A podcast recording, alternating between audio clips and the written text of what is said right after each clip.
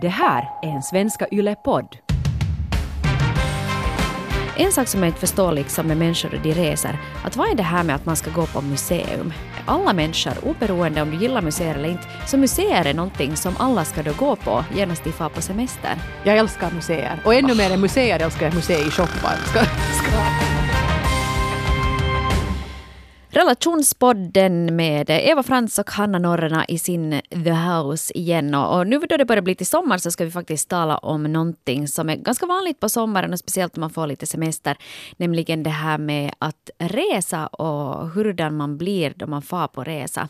För vi är ju ganska olika. De brukar ju säga så här att, att du, du lär känna en annan människa allra bäst då du reser tillsammans så med någon. är det. Ja, det är ju verkligen så. Jag tycker alltså ingen borde ens få förlova sig förrän de har rest lite tillsammans. Man ska absolut inte flytta ihop med någon om man inte har, har rest lite. Ja. Gärna rest på en ganska så här skral budget för det är ju då som, som liksom de här coping-mekanismerna visar sig. Ja, så det kommer fram liksom vad, vad man tycker och hur man hanterar svåra situationer. För fast det liksom är härligt att, att, att resa så här så är det ju samtidigt också lite stressigt. Man måste liksom klara sig i miljöer som man inte är van med. Man kanske är på ett ställe där du inte talar språket.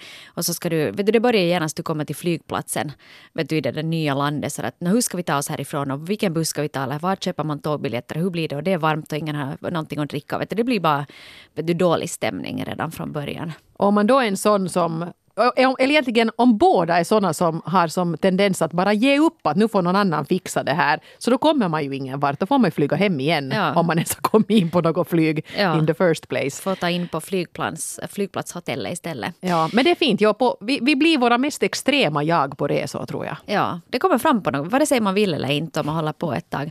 Och det är alltså det här som vi ska tala om idag. Vem blir du på sällskapsresan? Och vi har i helt i vanlig ordning också efterlyst era berättelser där ute. Men innan vi går in på det här så skulle det vara kul att kanske lite kartlägga um, hurdana resenärer vi själva är. Och vi konstaterar ju redan tidigare här då vi planerade det här avsnittet att, att du och jag skulle antagligen, eller vi ska antagligen aldrig resa tillsammans. Nå, så sa vi. För, Ja. för jag tror att vi så här ursprungligen insåg det att, att jag är en sån här som gärna gör ganska mycket på resor och gärna tar reda på och gör research och, och bokar in ett ganska fullspäckat schema eh, och får lite så här utslag av att ligga stilla i en solstol och ta det lugnt. Medan du ju är kanske tvärtom. Ja, ja, jag tycker om att då man är på semestern igen att liksom ta dagen som den kommer och inte stressa så mycket och man kan liksom kasta bort klockan lite och ha sovmorgon och ja, kanske bara sitta på en piazza någonstans och ta ett glas vin och vänta, du, njuta av livet. Men sen började jag fundera att jag tror nog ändå att det skulle kunna gå. För jag tror att vissa sådana här grejer så tror jag vi är ganska överens om. Eh, Jag är inte liksom heller nu, fast jag gärna upplever det så här, att jag tycker att jag har en sån här bergfast to-do-lista. Att resan är misslyckad om jag inte har det här och det här och det här liksom avbockat när jag reser hem igen. Men eh, jag tycker det är kul att liksom kolla upp lite grejer som kunde vara intressanta att göra. Eh, Men sen skippar jag gärna den listan om det händer något roligare. Men jag tror till exempel att du och jag är såna som gillar att vara i tid på flygfält. Inte nu sådär överdrivet, inte kvällen innan, men i alla fall sådär. Alltså sådana onödiga stressmoment så skippar man. Så tror jag att du och jag båda också är sådana som nog faktiskt löser problem så där i flykten. Att "Nå, men, nu måste vi göra så här, så nu gör vi så här. Det var Ja. inte riktigt som vi hade tänkt oss, men nu gör vi det här. Eller vad? Jag tror nog det, för vi är båda, ganska, vi är båda såna doers. Att vi, vi, vi lägger inte oss ner som en vet du, äh, ängslig mö någonstans i någon hörna om allting skiter sig. Utan då är det så att, "Nå, men okej, jag går fram till den och så frågar jag och så reder vi upp det här. Och så tror jag inte att någon del av oss heller är den där surpuppan som blir sådär att om, om det kommer en motgång emot så då sätter man resten av den resedagen på att vara liksom sur och förnärmad. Nej. Utan man måste liksom bara låta let it go, let it go, att det här blev nu inte alls som vi hade planerat men nu gör vi det bästa av situationen. Ja. Och då tror jag vi redan har kommit långt. Ja, det tror jag. för Kanske vi måste resa. planera in resan i alla fall. Så ska vi testa det. Ska vi berätta sen om hur det gick. Ja, men det är sant. Alltså, jag måste nog säga att jag är nog den, den, här, liksom, fi, den här som håller upp filisen på resan. Att även då andra i resesällskapet börjar gnälla lite eller lite hungriga så, så kan jag vara så att, nej men hej att här att jag har en extra flaska vatten. Ta det där, att jag styr upp det här. Att inte är det nu någonting, vi är ju här Ja. och allting är bra. Att man försöker hålla upp stämningen. Och jag tycker att det är faktiskt på allas ansvar på resan att man försöker eh, liksom hålla upp stämningen. Eller åtminstone att man inte skjuter ner alla andras stämning. Nej, för då förstör man ju allas resa i ett huj om man är den där som bara går omkring. Och, jag menar, har man blivit sjuk eller någonting så är det en annan sak. Men att om man går omkring och muttrar och puttrar och sprider dålig filis då förstör man inte bara resan för sig själv utan för alla involverade. Mm. Men en sak så, så, måste jag faktiskt säga nu med det här du sa att, att ha planer. Jag tror nog att det är bra att ha några planer. Eller som ibland kan det vara bra att om det är ett större sällskap fast att du, om du vet att vi, ska, vi är tio pers och vi ska gå och äta på lördag kväll. Kanske det är bra att googla lite och, och, och boka. och boka, boka bord och så här. Men ju, en sak som jag inte förstår liksom med människor och de reser. Att vad är det här med att man ska gå på museum? Alltså jag har, I och för sig så har jag inte varit på ett museum säkert sen jag gick i skolan jag måste gå på museum. För jag tycker det är det tråkigaste som finns. Och jag vet inte vad det är det här med alla människor, oberoende om du gillar museer eller inte. Så museer är någonting som alla ska då gå på genast de far på semester. Jag älskar museer. Och ännu oh. mer än museer älskar jag museishoppar. Ska, ska. Men jag är faktiskt en ganska sån här går jag på ett museum så brukar jag liksom ha koll på de där tre grejerna jag vill se och så brukar jag faktiskt av, liksom, eh, arbeta mig igenom museer helt för snabbt. Säkert någon sån här mer noggrann eh, museibesökare tycker att det är hemskt hur jag springer fram där genom salarna. Men jag tycker det är kul att gå på, på museum nog. Uh, däremot så jag kan inte gå på museum med min man för han är så att nu är vi på museum och nu läser vi texter. Så han är för långsam. Ja, ja. jag är redan i shoppen eller i champagnebaren när han är i sal ett. Ja, ja det, det kanske man måste välja sitt museisällskap också ganska noga. Ja. En annan sak som jag också kan ställa till det är ju det här med budgeten för resan. Hur, hur, hur tänker du liksom kring pengar? Att om vi tänker på att du bokar en semester, är du liksom den här som får med en ryggsäck och bor på sådana här vet du, sunkiga små motell. Nu satte jag en värdering i det där. Eller är du den här lyxliraren? du nämnde ju champagnebaren där redan ja, som säger, sätter en viss stämpel på dig jag är nog någonstans där precis mitt emellan. Eh, det är också ett smart sätt, att, eller ett mycket smidigt sätt att förstöra sin resa. är att gå och vara nervös hela tiden att blev det här hemskt dyrt. Varför gick vi nu åt det här? Att oj vad dyrt det blev. Utan det är också let it go, let it go. Men däremot så, så tycker jag det också där, med min research på förhand, så tycker jag om att spana upp sådana saker som uppges vara prisvärda. Att till exempel här får du himla god indonesisk mat till en rimlig slant. Då tycker jag det låter trevligt. Att liksom liksom, jag söker nog gärna reda på, på intressanta budgetalternativ men sen är jag nog inte den som... Är, man på semester så är man på semester och, och då kostar det. Det är nog bara så. Mm, ja, man ska inte fara på semester om man inte har råd att vara där. Eller blir att harma sig att oj, oj vad det där blev dyrt. Och, och så beror det lite på tycker jag vem man reser med också. För att om du till exempel far med no några tjejkompisar på en stadssemester, ska vi säga så här. Så då, då, kom, då kanske det, du inte behöver sätta så jättemycket pengar på det där hotellet. För du kommer ändå inte att vara på det där hotellet det är så sant. jättemycket. Du far egentligen, du slocknar där i något skede sen i din hotellsäng. Att, och så går du och äter en frukost och så far du igen.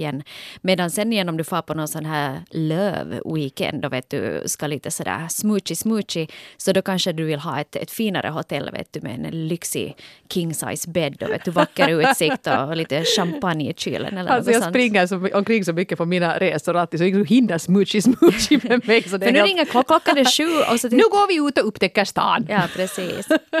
Eller sen kan det också vara, det beror lite på sen också. Jag, jag har varit nu senast här på sådana här eh, solsemestrar. Eller att vi har åkt liksom med mina föräldrar och mina barn. Så har vi åkt till sådana här resorts, sådana all inclusive grejer.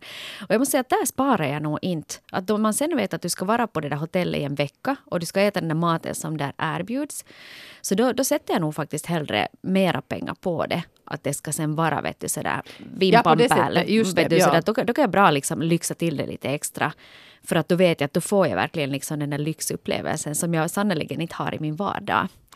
Nej, precis. Och det är ju just du som, som eh, har, eh, är liksom singelförälder och har ganska fullt upp och inte mycket möjligheter till lyx och vila i vardagen. Jag tycker det är helt rätt prioriterat då att bara man har möjlighet att, att unna sig en sån här hel lyxig avslappnad upplevelse när man reser så ska man ju förstås göra det.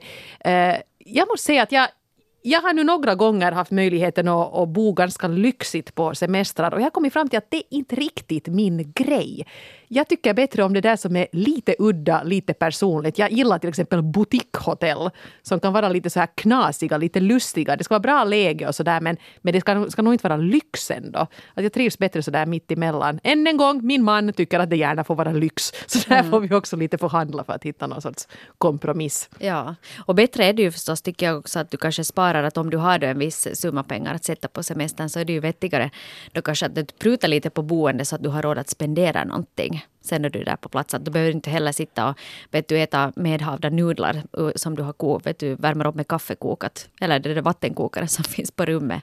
Om du bor så lyxigt att du har en vattenkokare. Ja, precis. Det fanns en tid för det också. Så, så reste jag ju när jag studerade och det hade ju sin charm. Men jag är nog, jag är nog förbi nudlar, vattenko, nudlar med vattenkokare och, och toaletter i korridoren nu i det här skedet. Ja, det går inte. Det måste vara vässadusch på rummet. Där går min absoluta liksom, gräns. min också. Hej, faktiskt, får jag, får jag säga ett tips om det här med vattenkokaren, hur jag kom på det? Oj. Alla ni som brukar koka vatten och kanske kaffe eller någonting med den vattenkokaren, gör inte det. För jag såg nämligen en sån här dokumentär där de sa att vattenkokaren är det snuskigaste som finns i hela hotellrummet. För att många tvättar sina underkläder och sina strumpor i vattenkokaren.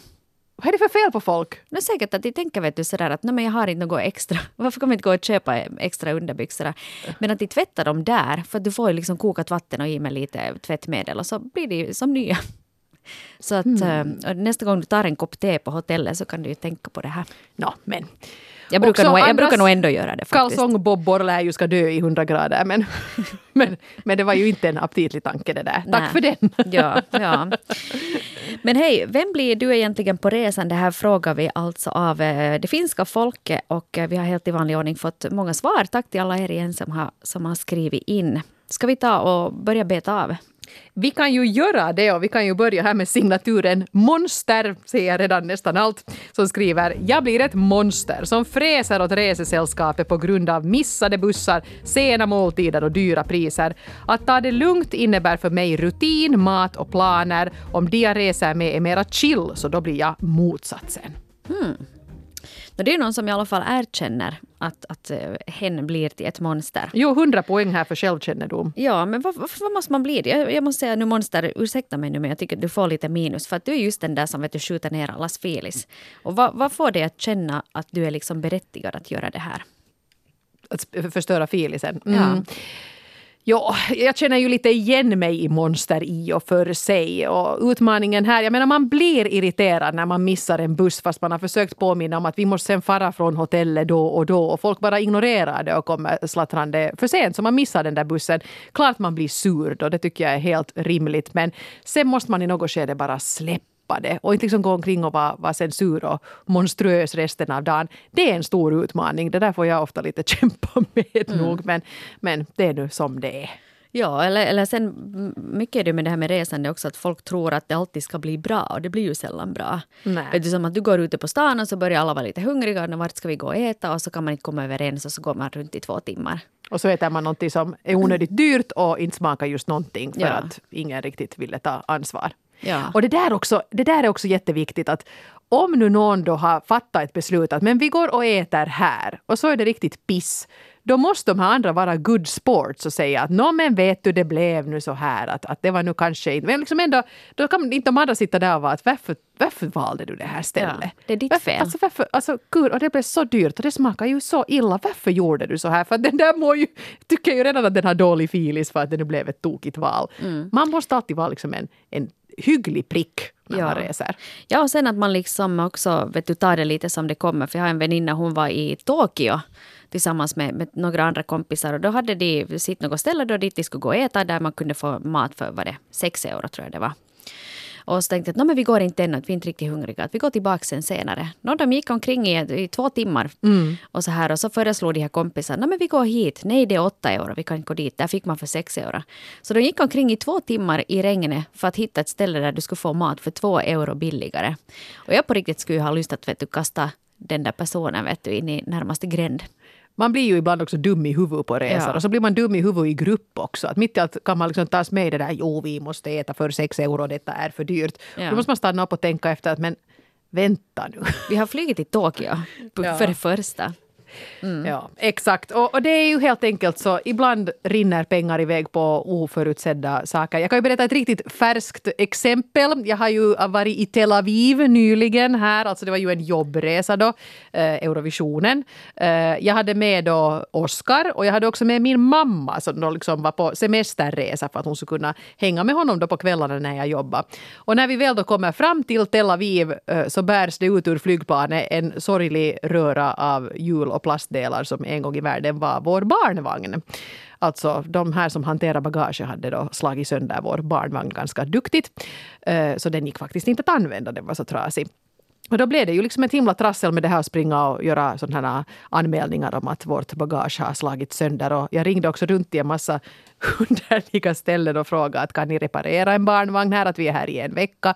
Det kunde ingen. De som kunde engelska överhuvudtaget sa nog att nej, hörde att vi har nog inte reservdelar till någon bättre begagnad Brio-vagn tyvärr. Mm. Och det slutade ju då med att, att jag fick åka till någon form av lokal Baby World-butik och köpa en vagn helt enkelt. Den blev jättedyr. Det, det är inte ett billigt land i Israel alltså. Men det är också sånt som man nu bara får ta. Eh, det, det var jättesnopet och dit får faktiskt hela min resekassa. Men sånt hände, men där tänkte jag också på det där i ett skede sen när vi dessutom hade åkt med taxi ut i, till något märkligt industriområde Eh, jag vet inte, de som bor i huvudstadsregionen vet ju säkert hur Varisto, Varistorna ser ut. Mm. Var alla möbelaffärer och sånt finns här i huvudstadsregionen. Det var liksom den israeliska motsvarigheten till det. Var taxin slängde ut mig, mamma, bebis på helt fel ställe. Det var inte alls vid den där babybutiken som vi sökte efter. Och då började jag vandra omkring då i ett israeliskt industriområde med Oskar på armen i den här bilstolen som han ska över i en korg med blåbär. Och där yrade vi omkring och så till sist hittade vi butiken, köpte vagnen och tog en taxi tillbaka till hotellet. Och då slog det mig sådär att fan också, vi fixar det. Ja, det ordnar sig i alla fall. Det ordnar sig. Det blev dyrt. Här får första dagen av vår resa. Jag höll på att missa en massa viktiga jobbgrejer på grund av det här strulet. Men vi löste det. Och så gav vi varandra en riktigt stor dunk i ryggen med mamma. Var sådär att ja, yes. där satt den. Eh, men jag skulle också kunna välja det alternativet att nu går jag omkring och ältar ojar och vojar mig över det här. Eh, jag har nu skickat ganska saftiga räkningar och an, sådana an, skadeanmälningar till flygbolaget för det är ju de som ska lösa upp det här nu. Så. Men, men jag menar, man måste lösa saker mm. i flykten ibland ja. och inte bli liksom hjälplös. Ja, ibland måste man bara helt enkelt kasta lite pengar på ett problem så att man får det löst. Ja, Ja. Den ser hemskt rolig ut den där vagnen. Där är en massa hebreiska säkerhetsskyltar på den. Den är bra. Den är fin. Vackert minne. Det är en fin souvenir har du med dig från Eurovisionen 2019. Men har du annars märkt det här? Att det är ju ofta då när någonting lite har skit i sig på en resa som det blir det där roliga minnet som man pratar om. Ja. Också med barnen. Ja. Det är ju sällan det att oj det var vackert hela ve ve veckan och vi åt franskisar i, i solen. Inte kommer man ju ihåg det. Nej. Men när någonting har gått tokigt då blir det liksom en story. Det är sant det, för jag har varit nu varje år faktiskt med mina barn på, till södern på hösten. Och de talar fortfarande den här ena gången för fem år sedan då det var jättekallt i Turkiet det året då vi var där. Och, det var, och den där poolen var inte upphettad, så de pratar fortfarande. Kommer du ihåg då det, var, heter det flög i, flöt isbitar i poolen? det var så pass kallt där, någon hade väl tappat sin drink eller något, så det flöt omkring några så isbitar som man haft i drinken. Och de smalt inte utan Nej, de skvalpade på? De skvalpade på där ett tag. Så kallt var det i poolen misslyckad vecka överlag. Men det det här som de kom ihåg, som de ofta återkommer till. Det var det som blev anekdoten. Ja. Inte alla de här gångerna när det har varit soligt och varmt och lyckat. Nä. Det där tycker jag också att, att vi ibland, det sa vi med mamma nu när vi vandrade omkring där och försökte hitta en barnvagn, att det här kommer att bli den här story. Vi kommer att berätta åt Oskar när han blir störd att ja, vet du, du var i Israel. Ja. Vagnen gick sönder och där så gjorde vi så här. Och vi bar på dig där och sen... Ja. ja. Får du berätta på hans studentkalas. Så gick vi in i en butik och mamma ropade “Where is Jael?” Jael och så kom det en tant som hette Jael. Som, ja, som hade en barnvagn till oss. Ja, och det löste sig. Ja. Men det ska man komma ihåg. När någonting går snett på en resa, kom ihåg att det här blir nu en anekdot. Ja, det här blir Din anekdotbank utökades just. Yes. Hej vidare, här är signaturen Madame H73 som skriver um, så här. Jag blir mer mig själv när jag reser. En världsvan trygg globetrotter som folk som är ovana dras till. Håller inte särskilt noga reda på tider och sånt men vill vara på plats i mycket god tid. Jag reser helst ensam men gärna med någon arrangerad resa. Det här med att resa ensam, nice eller bajs? Det är ganska nice. Har du rest ensam mycket då? Uh, en del, ja. Jag, jag, jag måste säga att jag, jag, känner mycket igen mig i det här med att jag blir mer mig själv när jag reser. Jag tycker att no, man har familj och man har jobb och man har mycket på gång och, och jag är ganska sällan sådär helt för mig själv. Men jag gillar lite den jag blir. Eh, om jag till exempel vandrar omkring i en storstad så börjar jag lyssna på någon sån där musik som jag inte vanligtvis lyssnar på eh, i telefonen och så leker jag att jag är med i en film. Det är mm. jättekiva. Och så ser jag en massa snygga lägenheter och så börjar jag fantisera om att oj, hur skulle mitt liv månne se ut om jag skulle bo där och det där skulle vara den där butiken jag går till och köper bröd. Mm. det gillar jag jättemycket. Men det här med att resa ensam, alltså jag, jag, jag, har, jag har rest ensam liksom på jobbresor. Då är det ju ibland vet du, att du kanske blir ensamskickad någonstans, att då, då far du på det. Annars brukar jag alltid resa med någon för att jag tycker liksom att det är lite trist sen om man inte har någon att dela den där, den där resan med. Mm, och att liksom, gå och äta på restaurang ensam, det är ganska tråkigt. Ja, men samtidigt så också så jag, jag diskuterar faktiskt här med, med Victoria som jobbar med, med podden också här bakom kulisserna. Mm, och hon sa att hon har rest liksom flera gånger ensam, varit typ ja. en månad i Thailand och åkt runt med en, eh, vet du, en ryggsäck eller hon har varit i Sydafrika och rest runt där. Hon, hon, hon, är, hon är lite yngre än vi. Hon är lite yngre, hon är lite modigare och lite hippare än, vad, än vad vi är. Men där var, hon sa faktiskt det där att då du reser ensam så lär du känna mycket mera människor än, än, än, vad du gör än om du är ett sällskap. För att om du sitter med dina kompisar så inte är det någon som kommer fram till dig. Men sen att om du är ensam så då blir det lättare för andra att kanske ta dig med. Eller du träffar något gäng, några människor på hotellet så kanske det är så men hej kom med oss och äta ikväll. Ja. Och sådär, man får nya kompisar på ett helt annat sätt. Ja, det stämmer säkert. Men jag har inte rest mycket för mig själv. Och, då när jag har rest så har det varit mer så här att jag har tänkt att jag måste komma vidare med ett bokprojekt. Att jag i princip liksom ska, ska skriva. Men då blir det ju ändå så där att man vandrar omkring ganska mycket ensam. Men jag tycker faktiskt om det. Jag tror inte att jag börjar fram med någon liten ryggsäck till Thailand ensam. Men, men, men nog så här till exempel, jag skulle bra kunna åka ner till en grekisk hotellbalkong och sitta där och, och skriva i en vecka. Gå ner och äta lite grekisk sallad mellan varven. Det tror jag skulle kunna vara helt okej. Okay. Mm, ta en gyros och en adonis. Nej, nej, nej. Kan jag inte adonis? en gyros och en uh, Fanta. En adonis som ingen någonsin får veta om. ja, sen blir det en ny Oscar här sen nio månader senare. Ja, ännu mer svartmuskig. Konstigt. Ja, han är väldigt brunögd faktiskt, när du säger det. Men det är ju jag också. Nej, men, ja, nej, i och för sig, ja. Fast inga mera smaskigt där, fast det ska jag Nej, tyvärr. Nej. I Fröken Kontrollbehov 26 har också närmat sig oss med följande berättelse. Jag blir helt klart reseledartypen. På jobbfronten önskar jag att jag kunde vara lite mer organiserad och systematisk. Men då jag och sambon eller kompisgänget ska ut och upptäcka världen, då är det jag som har hand om pass, viktiga dokument, tidtabeller, program, medicinskåp, adresser och telefonnummer. Och dessutom har jag kopior på det som kan tänkas tappas bort. Det har bara blivit så och jag stortrivs med det. Men det är ju ganska intressant att den här fröken kontrollbehov trivs med det. För ibland kan det ju kännas som att äh, är det jag som måste liksom vara morsan åt hela gänget? Kan ingen liksom hålla reda på sitt eget pass? Eller när bussen till flygplatsen går? Ja, jag kan, jag kan riktigt se henne framför mig hur hon står på flygplatsen och säger nåja, här är ditt boarding pass och här var ditt pass och här och det är gate 24 och har alla varit på vässan? Har ni vatten? Visst har alla varit på ja. vässan åt vuxna människor? och så står hon där och lyser. Ja, nu är det dags för hätapissa. Ja, och kompisen kanske tycker att, men att hon, hon, hon verkar ju så nöjd med det här så ja. vi låter henne hållas. Ja. Jag måste säga att det är ganska bekvämt nog att resa med en sån som har koll och som har just googlat de här restaurangerna och bokat borden på förhand och tänkt ut vad vi skulle kunna göra. Mm. För då slipper du att tänka något själv.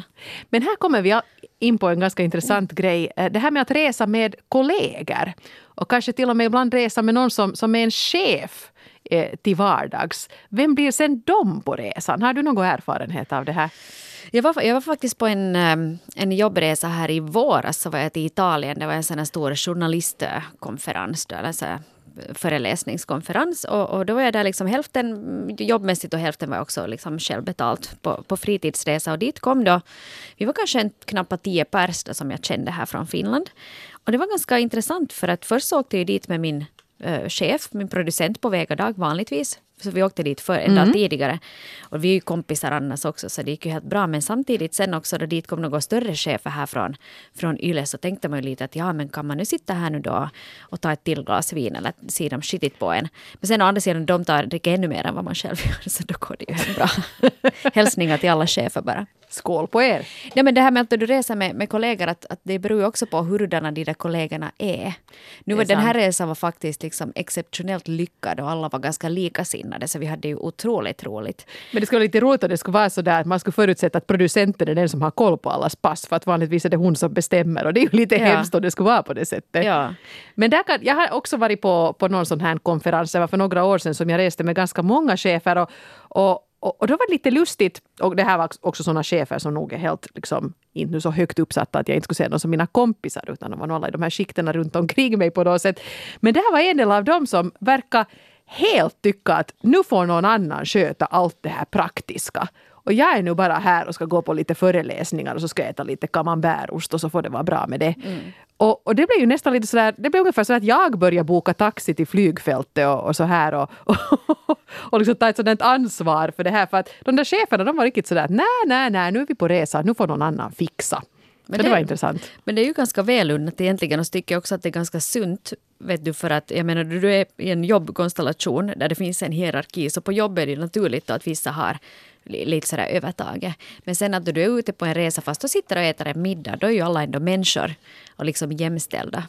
Så ska det ju vara. Att det är inte heller sådär vet du, att det är chefen som, jag beställer sen åt alla för jag vet bäst. Ja.